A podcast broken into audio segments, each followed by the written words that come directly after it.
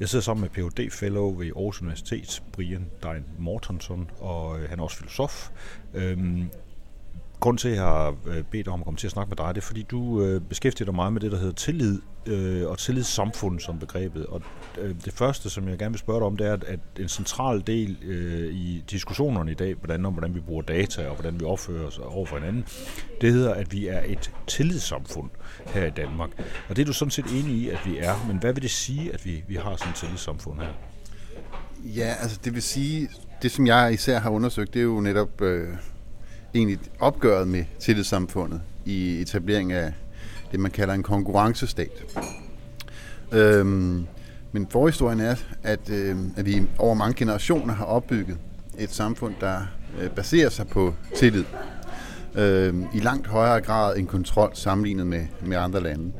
Øh, det har en lang forhistorie, men for at gøre den kort, kan man tage vores øh, forfatning fra 1849, som var ekstremt liberalt sammenlignet med, med øvrige lande i Europa. Øh, især grundvis indflydelse, men også andres, øh, som forsøgte at vække det her folkelige engagement, øh, hvor en række sådan centrale livsanlægner egentlig ikke var detaljreguleret af staten. Øh, og det har formet øh, Danmark mærkbart, mærkbart hvilket man kan se sådan empirisk, og en lang række forskere, øh, blandt andet Gert over Svendsen, for, øh, der er professor i, i øh, at undersøge det her øh, spørgsmål, har også undersøgt det her i mange år, og, og kan se, at Danmark er sådan særlig på det her punkt. Altså, man kan også se det i en lang, lang række andre undersøgelser, hvor vi scorer højt på netop tillid og lykke og demokrati og tillid til hinanden, øh, tillid til staten. Øh, og en af de ting, der sådan står ret klart i, i, i de forskere, der undersøger den side af sagen, det er, at det ikke er noget, man sådan kan vedtage ved en politisk beslutning. Det er noget, man opbygger over mange generationer. Og det har vi gjort i Danmark øh, ved vores politiske samvær, vores demokratiske praksis, især vores undervisning, som er det helt centrale øh, sted, man kulturelt overleverer øh, sådan en form for vaner. Øh, og i hvert fald i, i 200 år har vi arbejdet øh, ret mærkbart på det. Øhm, og vi er stadigvæk et tillidssamfund i, i vid udstrækning. Øh, det er der ingen tvivl om. Øh, men vi genetablerer ikke tillidssamfundet mere, og det er jo så noget, det jeg arbejder med. Altså, hvorfor ophører det vi med at gøre det, og hvordan kan man se, at vi ophører med at gøre det? Altså et af de steder, altså der lever vi jo med, det er noget det her det program beskæftiger sig med. Vi lever med stigende mængder af det, jeg bare kalder kontrol. Øh, det ved jeg også, at du, du bruger. Vi, altså vi overvåges, og vi registreres øh, overalt, hvor vi sætter vores elektroniske ben i forhold til, at vi er i gang med en kraftig digitalisering i Danmark, også som betyder, at vi sætter alle mulige spor, som vi så bagefter kan kontrollere. I den virkelige verden, der kigger vi ind i en, en frygtelig masse overvågningskameraer, automatiserede ting og sådan noget, hvor vi ligesom kan tjekke ind og ud, og hvor der igen er kontrol i. Hvordan påvirker det det her tillidssamfund?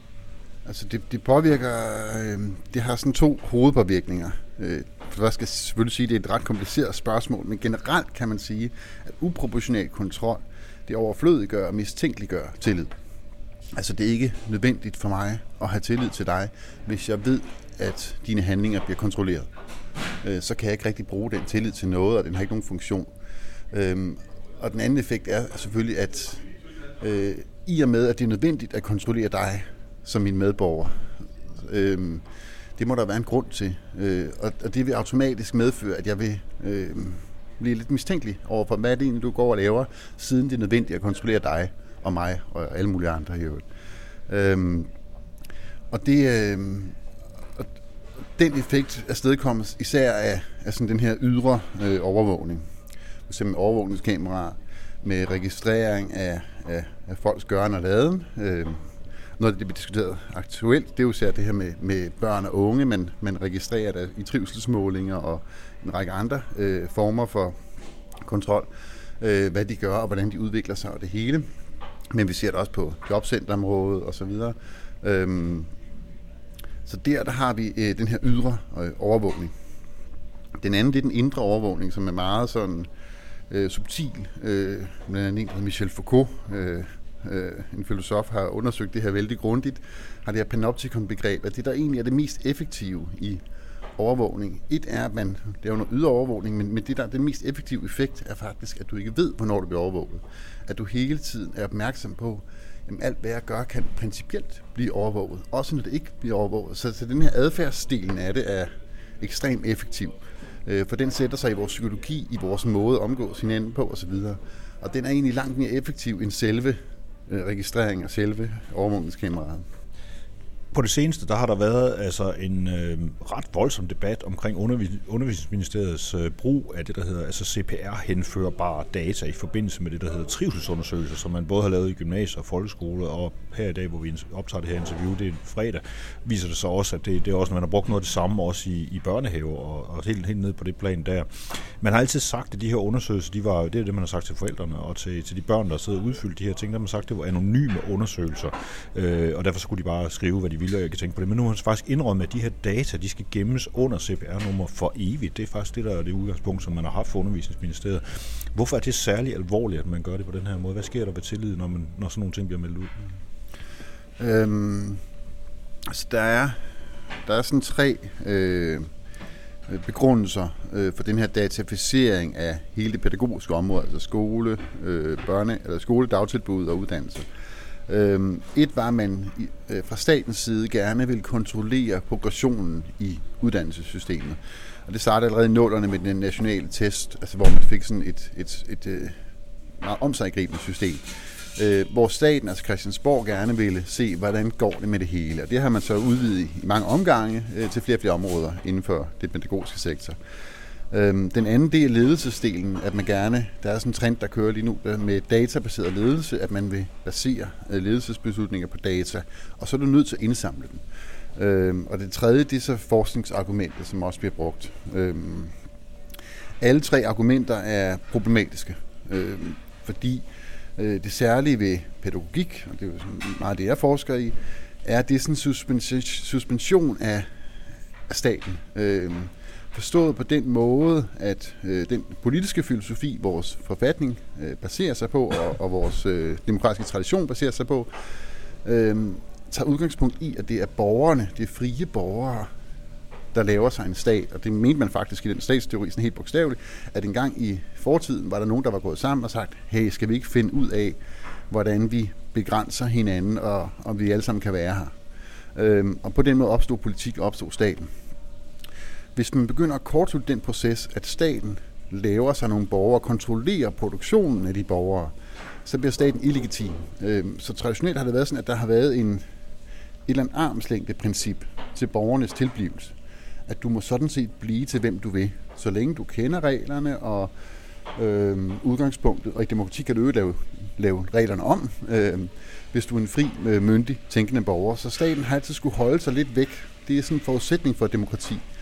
Øhm, og når man begynder øh, at putte de her overvågningsmekanismer ind i selve vores tilblivelse som borger, altså fra vi er helt små til vi er 18 år, at det bliver sådan en, en proces, ligesom med overvågningskameraerne, hvor vi hele tiden er registreret og overvåget, og vi ved det, og vi ved, der er betydning øh, for, for vores muligheder i samfundet, øh, så bliver det et problem. Altså især når den bliver så uproportional, som den bliver nu, at det er øh, 5, 6, 7-årige børns øh, tanker eller periodiske problemer, de måtte have i opvæksten, øh, som bliver registreret for evigt. Øhm, øh, så det er helt klart et overgreb, øh, der kan være, der, dels, og det handler ikke kun om, at der kan være nogle juridiske problemer i, hvordan man øh, øh, forholder sig til persondataloven osv., men det er egentlig også nogle helt grundlæggende filosofiske problemer, altså hvor man handler i strid med ånden i vores forfatning og dens baggrund. Øh, Øh, det er et stort problem, og, og det er også et, øh, det er et problem, der har været omsaggribende faktisk siden 90'erne, hvor man begyndte at opfatte Politisk øh, fik man en konsensus om, at, øh, at det her med, med opdragelse, undervisning og uddannelse øh, var nærmest en slags arbejdsmarkedstiltag. At det var så vigtigt, hvordan børn, børnene præcist udviklede sig af hensyn til arbejdsmarkedet. Altså man, man har helt, simpelthen glemt hele den politiske del af det at være borger. At det er faktisk der, vi starter. Også før vi laver os et arbejdsmarked, der er vi nogle mennesker, der er fri vilje, går sammen og øh, etablerer et samfund.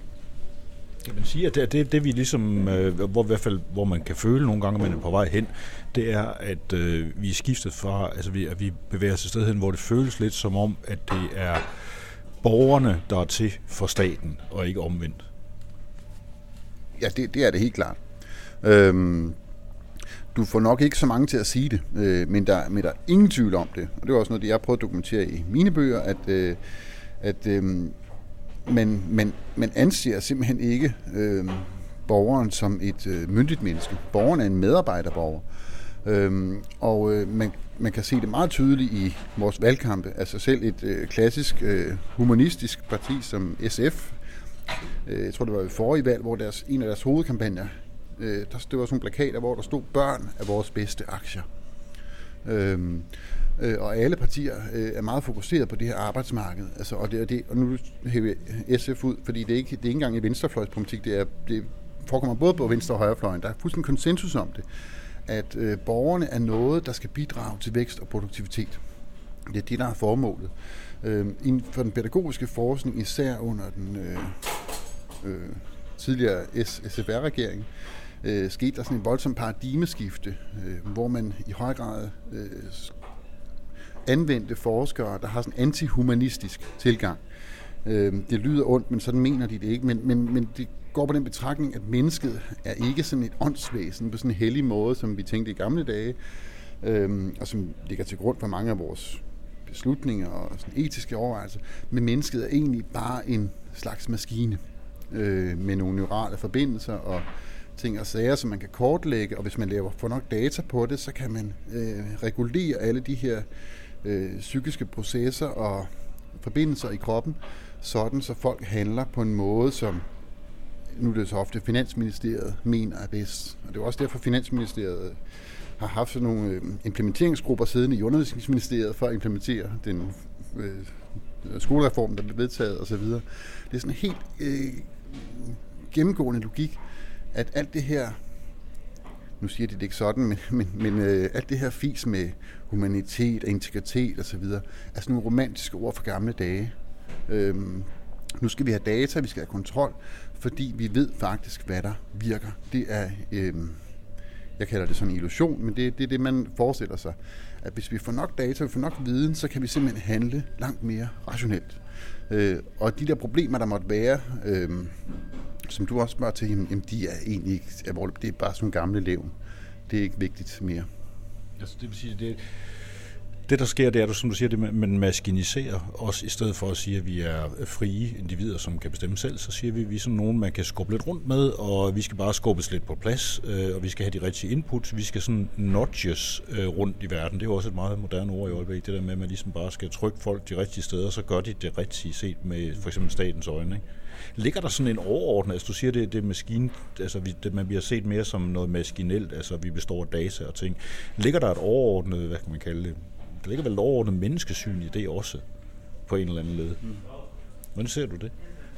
Øh, jamen det gør der. Øh, der ligger den her grundlæggende antihumanisme, at, øh, at mennesket er ikke noget særligt. Altså mennesket er øh, noget, noget, noget sådan biologisk materiale og nogle elektriske forbindelser, og det er egentlig det, et menneske er. Øhm, så gør vi også nogle forestillinger osv., men det er egentlig bare sociale konstruktioner, og de er ikke virkelige. Øhm, og det, det handler om, det er jo... Øh, med, med den opfattelse fører ikke rigtig nogen vegne. Man er nødt til at putte noget ind i den, det menneskesyn for at lave en bevægelse. Øh, og der er det især den her øh, øh, særlige form for socialdemokratisme, øh, som nogen kalder korridonismen, øh, men egentlig er det en konkurrencesatsteori. Man, man putter ind at det. Man har nogle mål for øh, livet, og det er vækst, og det er lighed. Øhm, og det kan man også se især i uddannelsesreformerne, øh, at det er det, man har sat sig rigtig meget på. At det er meget vigtigt, at vi er lige. Øhm, og jo mere kontrol du kan få med folks opvækst, øh, jo mere lighed kan du producere. Det var egentlig intentionen. Noget af det, man så i Danmark, der har vi jo arbejdet på lighed i rigtig mange år, og det er der intet galt med. Øh, øh SU for eksempel gjorde det muligt for alle at tage en uddannelse osv. Man lavede en masse tiltag, øh, men alligevel opdagede man, at efter 70'erne havde det ikke rigtig nogen effekt, fordi der var en masse steder, hvor staten ikke havde kontrol, for eksempel med familier. Øhm, der var nogle børn, der ikke lavede lektier, jamen så forlænger vi skoledagen for alle, sådan så alle potentielt fik lavet lige mange lektier. Sådan er det ikke gået, men det, det siger noget om tankegangen. Øhm, og jo mere kontrol du kan få med folks tanker, øh, jo bedre. Øhm, jo mere kontrol du kan få med forældrene, det er det nye indsatsområde inden for pædagogik, det er jo, at man forsøger at få forældrene til at handle hensigtsmæssigt. Jo mere staten kan eliminere de her faktorer, den ikke traditionelt havde kontrol over, jo mere lighed kan den skabe. Øhm, og, og, og det er tænkt sympatisk, og det, det, er, det er i den bedste mening, øh, helt sikkert for rigtig mange af dem. Øhm, men konsekvensen er bare, at, at så bliver det i mindre og mindre grad staten, der laver sig, øh, eller borgerne, der laver sig en stat, men staten, der laver sig nogle borgere. Øhm, så, så, øh, så, så, så det er tanken, og for, for de fleste, der er med til at implementere den, er den meget, meget sympatisk ting. Øh, men, men det, der ligger i, i den forskning, man bruger, det er faktisk, at, øh, og der er også mange politikere, der, der nogle gange kommer til at sige det, øh, sådan noget som trivsel, man går meget, meget op i. Øh, det er ikke vigtigt af humanistiske hensyn. Det er faktisk vigtigt, fordi at børn, der trives dårligt, lærer mindre. Øh, og børn, der lærer mindre, har lavere frekvens i forhold til højere uddannelser, og folk, der har lavere frekvens i forhold til højere uddannelse, bidrager mindre til væksten. Og der er sådan en masse række, lang række øh, argumenter der, men de er ikke øh, humanistiske. Det hele bunder faktisk i, i, i vækstproblematikken. Ikke? Man taler om trivsel, man taler om, at folk skal have det godt og rart, og man vil indsamle data på trivsel osv., men det handler ikke om, at mennesket har et særligt værd, for det har mennesket ikke i den her tankegang. Og derfor er kontrollen legitim. Altså, det er jo virkelig utrolig skørt, når man hører på det. Og jeg kan, kan ikke lade med, det sjove er jo netop, den her konkurrencestat er jo øh, lanceret, kan man sige, som, som noget, der er godt for erhvervslivet og for væksten og sådan noget. Men jo, jo mere, når man så får det udlagt på den måde, som du nævner det der, så minder det jo vel egentlig også en lille smule om... Øh, hvad kan man sige, de der femårsplaner, man lavede i øh, det gamle Sovjet, øh, Sovjetunionen og sådan noget, hvor man, hvor man også havde sådan nogle mål for, hvordan man skulle have øget produktiviteten, og hvordan man ligesom kunne påvirke folk hele vejen ned igennem systemerne. Er, er det det, vi er ved at få? Altså noget, der minder om, øh, skal man sige, kinesiske eller Sovjet, øh, Sovjetunionen, sovjetrussisk tilstand? Øh, uden tvivl. Altså, Kina øh, var og er jo den store skræk. Øh, der var sådan en berømt tv-program, der hed 9. sæt mod Kina, øh, øh, som så var baseret på noget snyd og så videre, men, men, men, men det var et billede på netop, at vi har den her skræk. Øhm, Niels Egelund, som var en stor del af den her proces med at forandre det danske uddannelsessystem, øh, var også i Shanghai og var meget begejstret på den måde, de gjorde i, i Kina. Øhm, men også erhvervspolitisk har man jo i den grad været opmærksom på, på den kinesiske vækst. Ikke? Øhm, så, så, så den konkurrence, kan man også sige, vi har meldt os ind i, er mod imod øh, den form for vækstøkonomi, kineserne leverer, og den form for borgerkontrol, de er i stand til at have. Øh, det er det, vi skal konkurrere på. Øh, og konkurrencen øh, går på, i hvor, høj, hvor høj, meget produktivitet kan du presse ud af den, det enkelte CPR-nummer i dets levetid. Altså, hvor lang tid kan du få dem til at arbejde? Hvor effektivt kan du få dem til at arbejde? Hvor få sygedage kan du sørge for, at de har? Øh, og så videre. Det er den konkurrence, øh, konkurrencestaten øh, øh, forsøger at, at vinde. Ikke? Øhm, og den måde, man, øh, metode, man bruger, øh, minder også vældig meget om det, man gjorde i Sovjet, men måske endnu mere end det, man gjorde i Østtyskland. Øh, altså den her total overvågning, og især fornemmelsen af, at du ikke ved, hvornår du bliver overvåget. At alt, hvad du gør, har en betydning for din videre forløb. Øhm, øh, hvad du skriver på Facebook har en betydning for, hvilke jobs du kan få, øh, hvordan andre opfatter dig, øh, og som forældre, hvordan lærerne opfatter dit barn og så videre. Øh, og vi ved, det kan have en betydning for, hvilke karakterer de får og alt muligt andet. Altså du er hele tiden øh, øh, afhængig af andres øh, vurdering af dig. Øh, så, så, øh, så, så vi er helt klart på vej i noget, som vi historisk kan sammenligne med, med det, der foregår, foregik i Østbloklandene. Det er ikke det samme. Tiden er en anden, men, men, øh, men der er en række øh, sammenfald. Øh, også teoretisk, altså den måde, man opfatter staten på. Øh, at staten er et formål i sig selv. Mennesket er det sådan set ikke. Hvis vi tager lige, altså sådan som situationen er lige nu, så må man jo sige, at kontrolfolket, eller fløjen, er jo dem, der styrer. Altså, vi er, vi er i gang med en, en, en, en rasende digitalisering her i landet, som primært handler om at kontrollere og samkøre data. Vi, øh, der er en øh, kraftig tro på i administrationen, at det, vi skal leve af i fremtiden, det er big data, det er databehandling af forskellige art. Dybest set at, at lave hele befolkningen i Danmark om til en eller anden petriskål, hvoraf der så skal komme nogle store forsøg og virksomheder og apps og alt muligt andet ud af. Hvordan, altså, kan du overhovedet se en, øh, en, en hvordan kan, kan vi få en fremtid, hvor, hvor tillid øh, og, og troen på det frie menneske, som ikke bare kan manipuleres af data, at, at den kan genetableres. Hvordan, hvordan kan det lade sig gøre? Øhm, altså det, det, det tror jeg på, og jeg er grundlæggende optimist. Øh, fordi vi er så heldige, at, øh, at kontrol er dyrt. Øh, og det er sådan set også det inden for den økonomiske teori, der har været, at lige nu er, er det bedste bud på at forklare Danmarks udvikling. Øh, altså netop det her paradoks.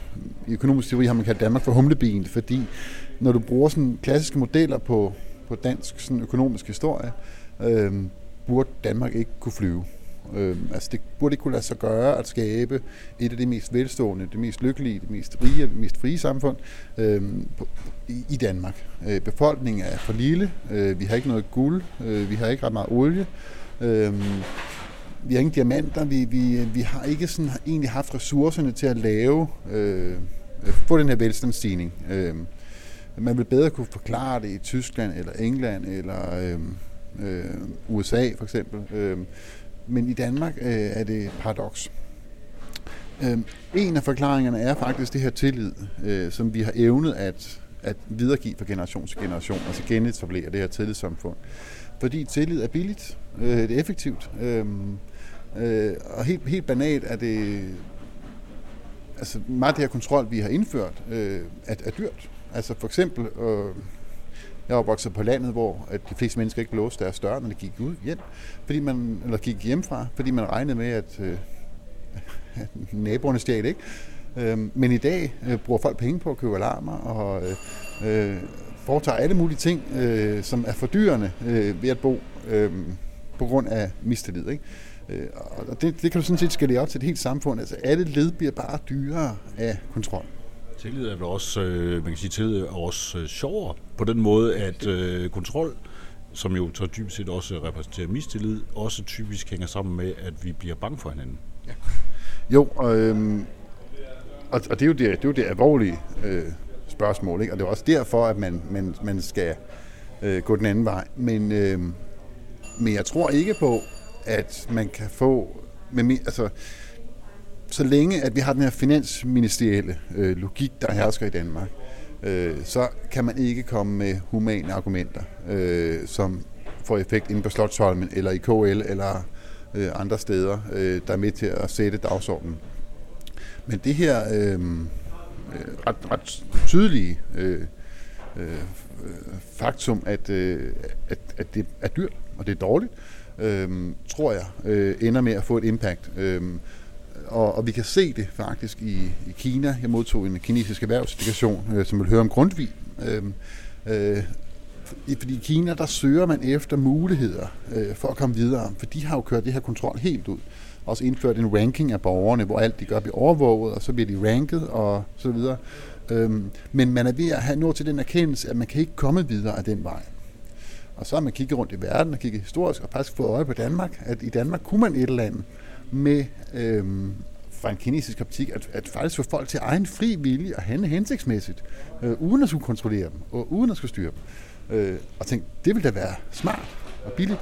Øhm, så det paradoxale er faktisk, at vi jagter en model, som kineserne har kørt i 50 år, øh, og de er begyndt så småt at orientere sig på, hvad det egentlig var, vi gjorde. Øhm, så, så vi har en, en, en, en ret sjov udvikling der.